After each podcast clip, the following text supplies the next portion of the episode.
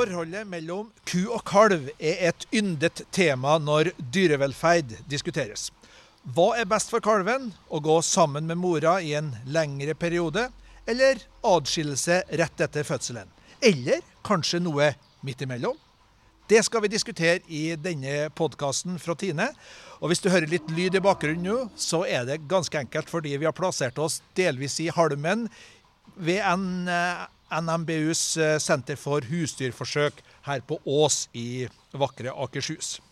Og Vi skal som sagt dukke ned i dette mm, problemstillinga knytta til ku og kalv. og Aller først så har jeg lyst til å spørre deg, Julie Føske Johnsen, du er forsker ved Veterinærinstituttet. Hvorfor har oppmerksomheten rundt ku-kalv økt de, de senere åra?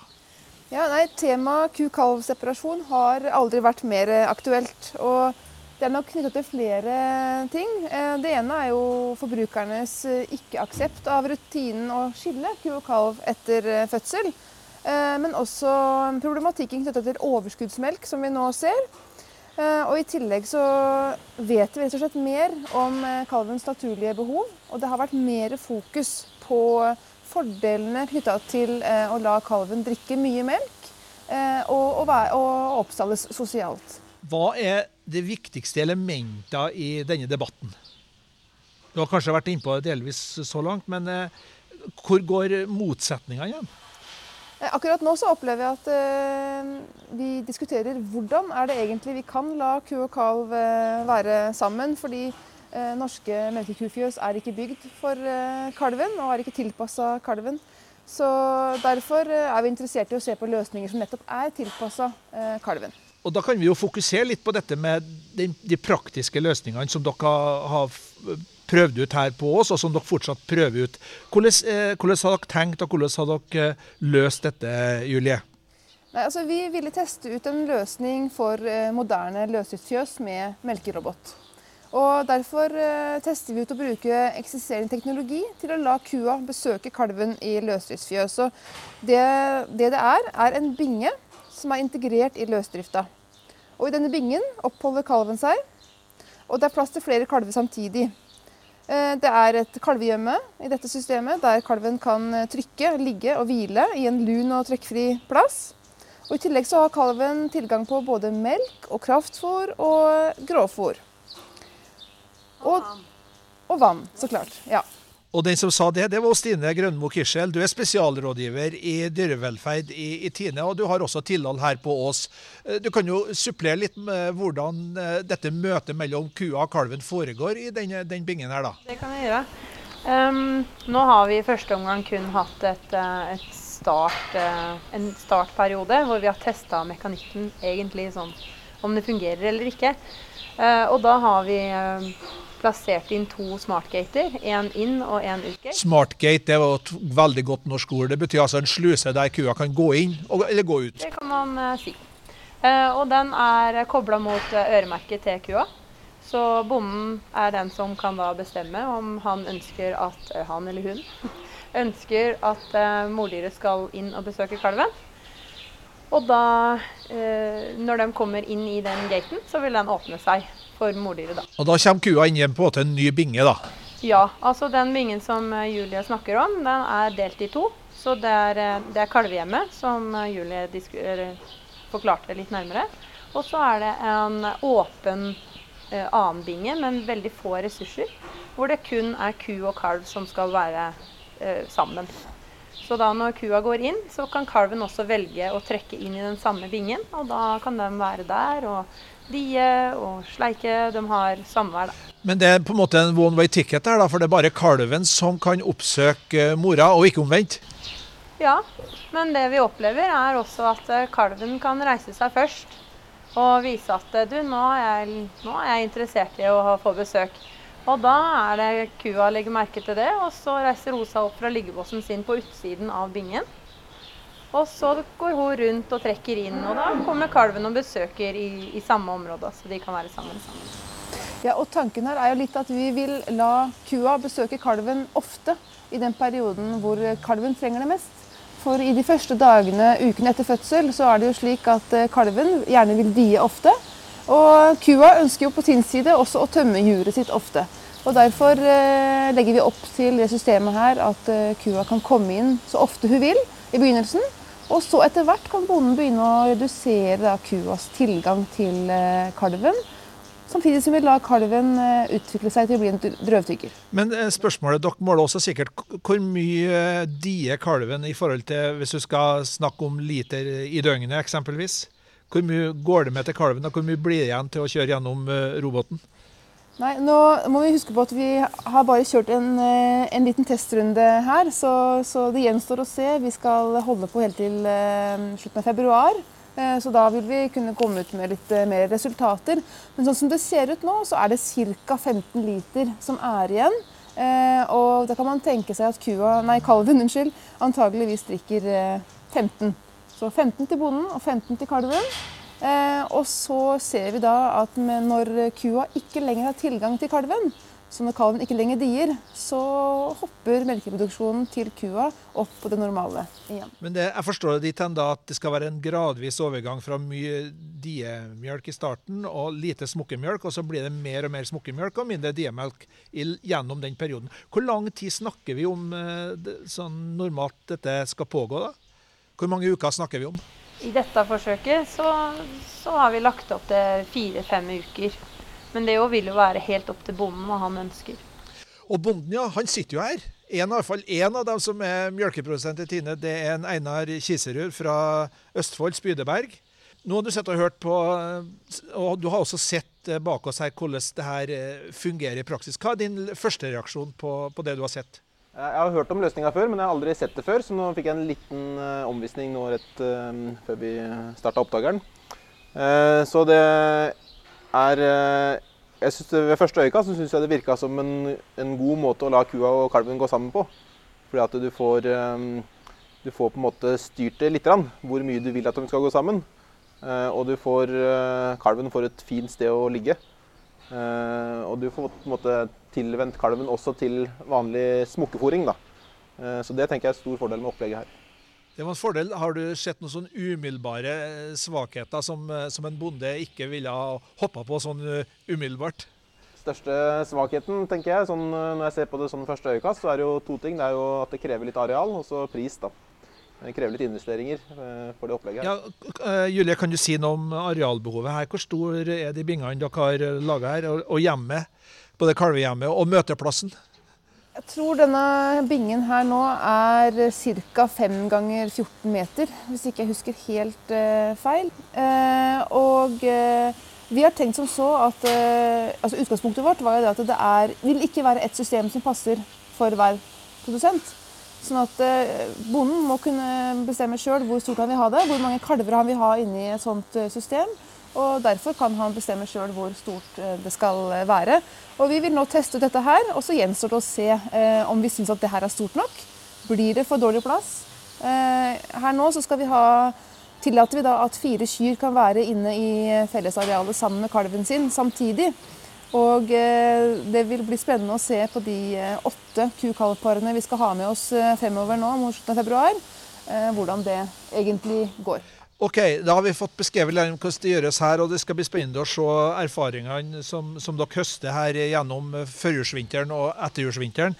Men eh, litt tilbake til, til faget her, Julie. Hva, hva sier forskninga om mulige effekter, positive effekter da, ved å la kalven gå sammen med, med mora? Ja, dette med forskning på ku og kalv sammen har jo virkelig eksplodert eh, de siste årene. Eh, men det som er helt sikkert, er dette med den gode tilveksten hos kalven. Så når kalven dier mora, så legger den på seg eh, opp til 1,2-1,3 kilo om dagen. Eh, og det er ganske mye mer enn det kalvene har gjort. Veier, veier det mye opp den reduserte melkemengden? Eh, det er ikke jeg den beste til å, til å svare på. Hva tror du Einar Kisser, om akkurat det? Er det et regnskap som går i pluss eller minus? Det, eh, det, tenk, det har ikke jeg regna så veldig nøye på heller, men det er jo delvis et eh, måte, kanskje verdivalg, hvis det går an å bruke det ordet. Og så er det jo eh, ja, det er mye i det bildet her. Det er Sånn som det opplegget fungerer her på fjøset på oss, da, så tenker jeg at det er, det er et ganske enkelt opplegg. Så det vil være lite arbeidskrevende. Det spiller også inn i det bildet. da. Eh, Og så tenker jeg også at Litt av poenget må være å få på en måte, Selv om du ikke tjener på det akkurat nå, så vil du kanskje tjene på det når disse kalvene blir kuer igjen og melker mer seinere. Ja, for Det er nettopp også et poeng som har blitt bevist i senere forskning, at eh, når kalvene legger på seg masse i begynnelsen, og det gjør de virkelig når de er med mora, så gjenspeiler det seg i en økt produksjon i eh, første og andre laktasjon. Så det er jo litt spennende. Akkurat, så det, det, det du på en måte taper litt i starten, kan du ta igjen litt senere i laktasjon. Det er det du sier?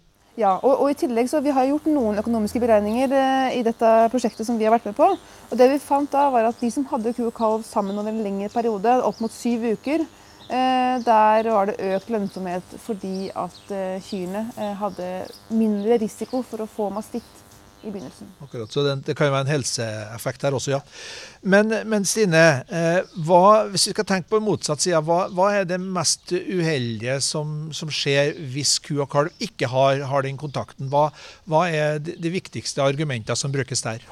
Eh, nå er det jo sånn at eh, norske bønder tar veldig godt vare på kalven sin.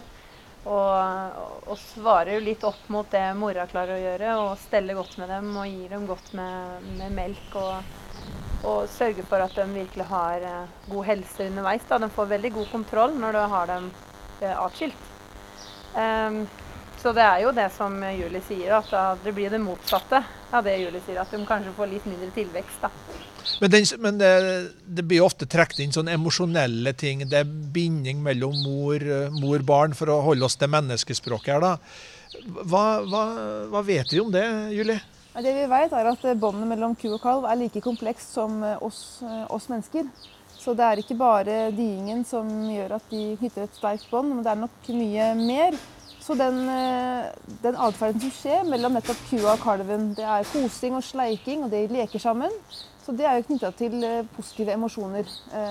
Det er det. Og det kan være en direkte link til positiv dyrevelferd på et eller annet tidspunkt så er det jo en adskillelse. Og mange vil si hvorfor er det bedre med en adskillelse etter fem-seks uker, i stedet for å ta det umiddelbart ved, ved fødselen? Stine? Ja, vi ser jo det at eh, Forskning viser at jo lengre kua går sammen med kalven, jo tøffere blir separasjon. Eh, og da er det med tanke på at de knytter et sterkere bånd.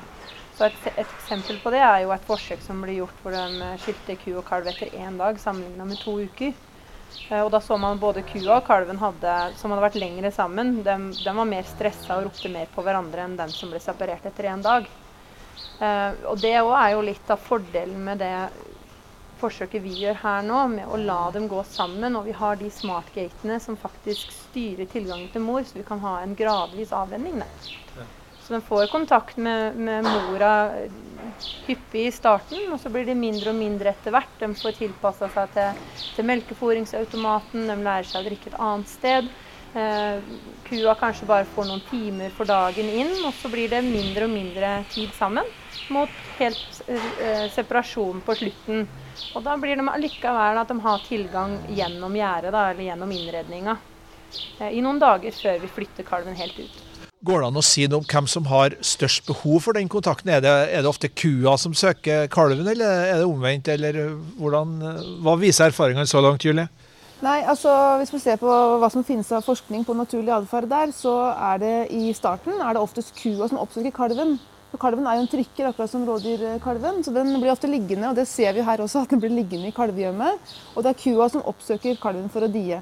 Og så skjer det et eller annet da, ved en alder på rundt ca. to uker. for Da begynner kalven å ta mer eh, en aktiv rolle. å si. Eh, da er det ofte kalven som oppsøker kua. Så Det vil vi også få, få litt eh, data på her. Da. Det er veldig spennende.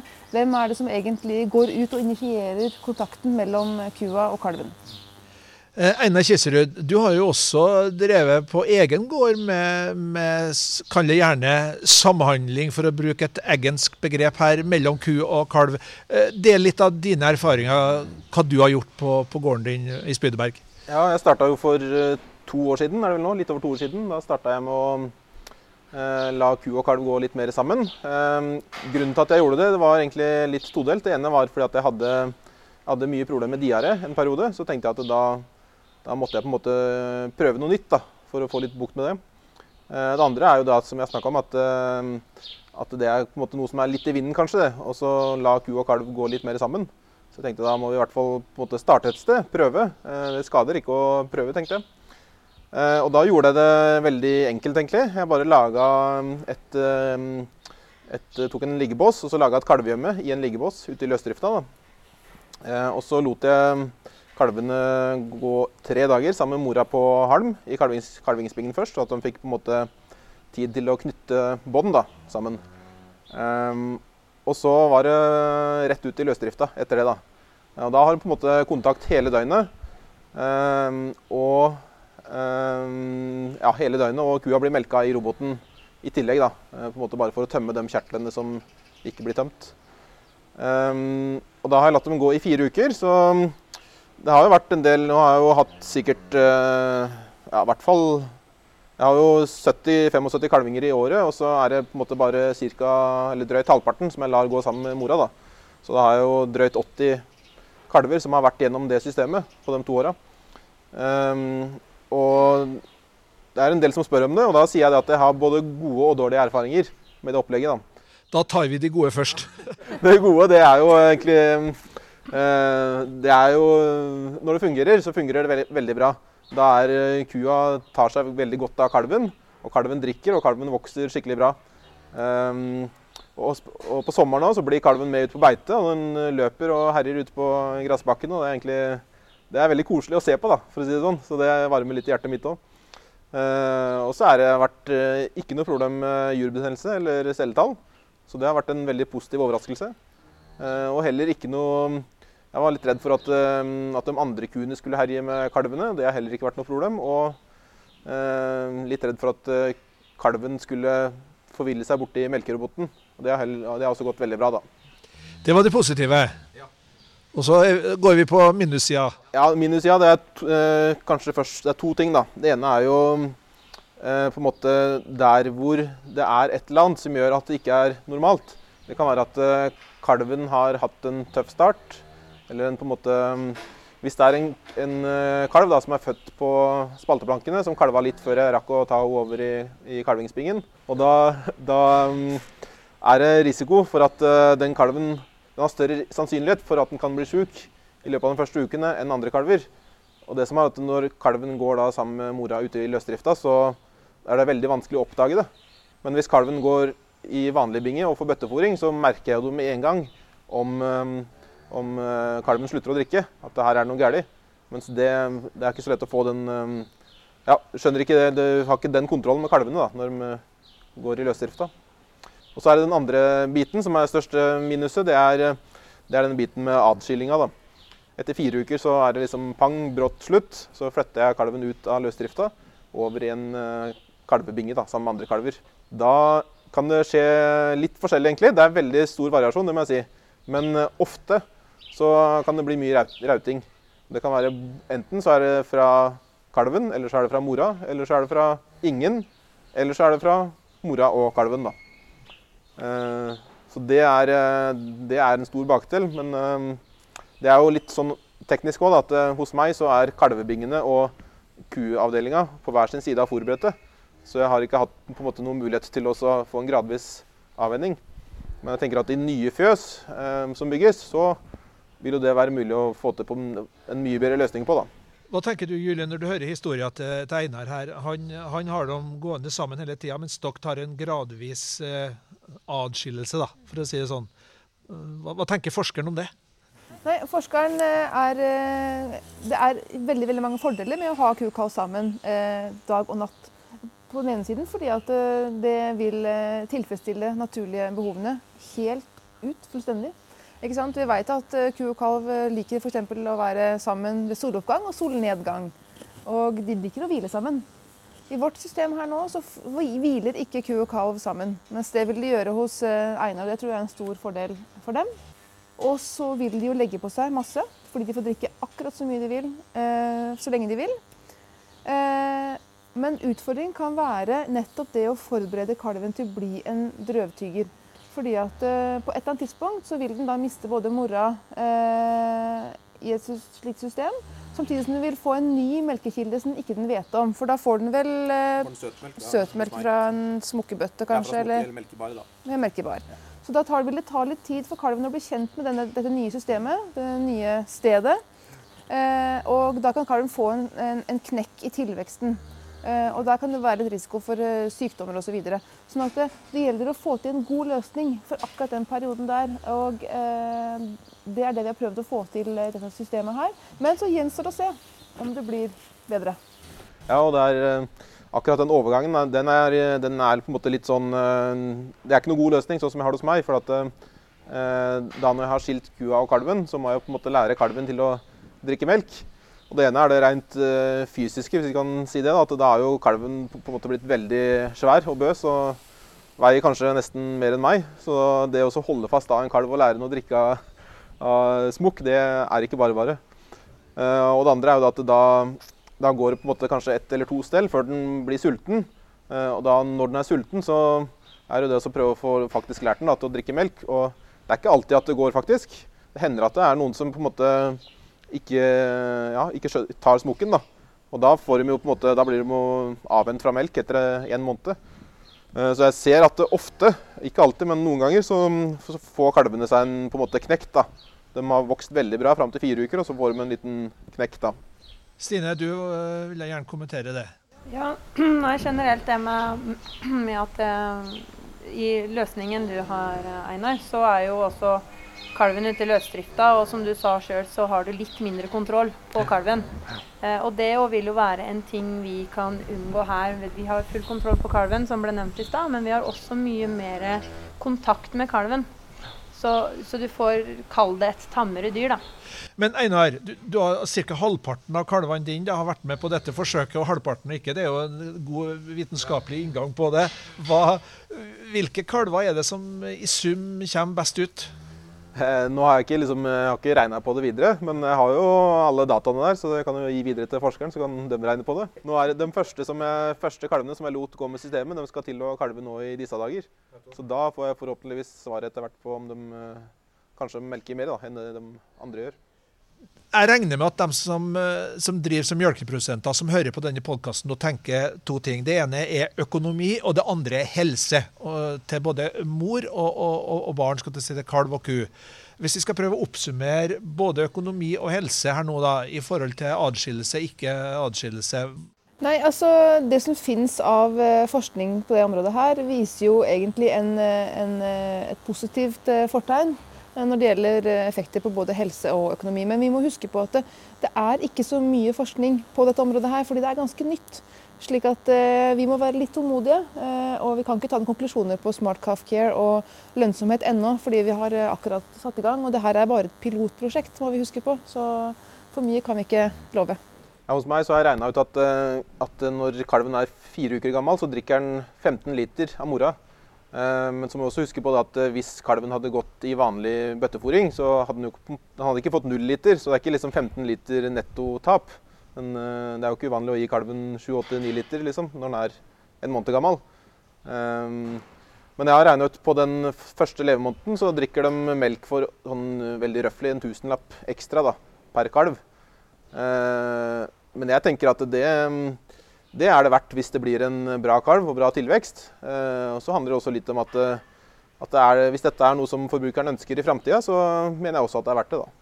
Forbrukeren er jo én ting, men eh, du som er mjølkebonde nå, som har sikkert godt kontaktnett blant dine yrkesbrødre, er, og, og, nå er vi inne på dette med holdning. Tror du at norske mjølkeprodusenter er, er moden for å, å, gå inn i en, en, verden der ku og kalv i større grad er, er mer sammen enn de har vært historisk fram til nå? Ja, jeg tror, at, eh, jeg tror ikke det er så veldig stemning for å velge en sånn løsning som jeg har gjort, og så på en måte slippe mange eller alle kalvene ut i løsdrifta. Det kan fort bli litt sånn too much for mange. Eh, men jeg merker at det er veldig sånn interesse for det.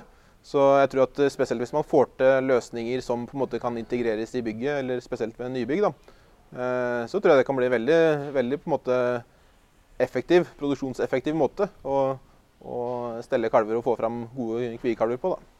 Fortsatt er det jo en del år til at uh, båsdrifta skal være avvikla i, i, 2034, Julie. og hva, hva tenker du om, uh, om utviklinga videre her nå? Nei, altså Vi merker jo også at det er en økende interesse blant uh, produsenter uh, når det gjelder systemer å ha ku og kalv sammen. Og, og, da jeg var stipendiat for nesten ti år siden, så var det jo da mest økoprodusenter som var interessert i dette her.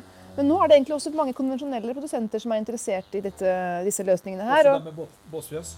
De med båsfjøs eh, vil jo muligens ha en interesse for å lage eh, løsninger der ku og kalv er sammen deler av døgnet. Men det er klart, selv om noen er interesserte i disse løsningene, her, så er det også noen som er skeptiske. Eh, jeg har fått mange telefoner fra produsenter som er eh, skeptiske for at det skal bli et krav å ha ku og kalv eh, sammen. Og det kan jeg godt forstå. Ja, trenger, vi, trenger vi et lovverk, eller bør det gå frivillig det her, Stine? Jeg tenker at dette er eh, veldig frivillig. Det, det er ikke et system som passer for, eh, for hver og en. Så det, det, er viktig at det ikke nødvendigvis skal være lovverk med en gang.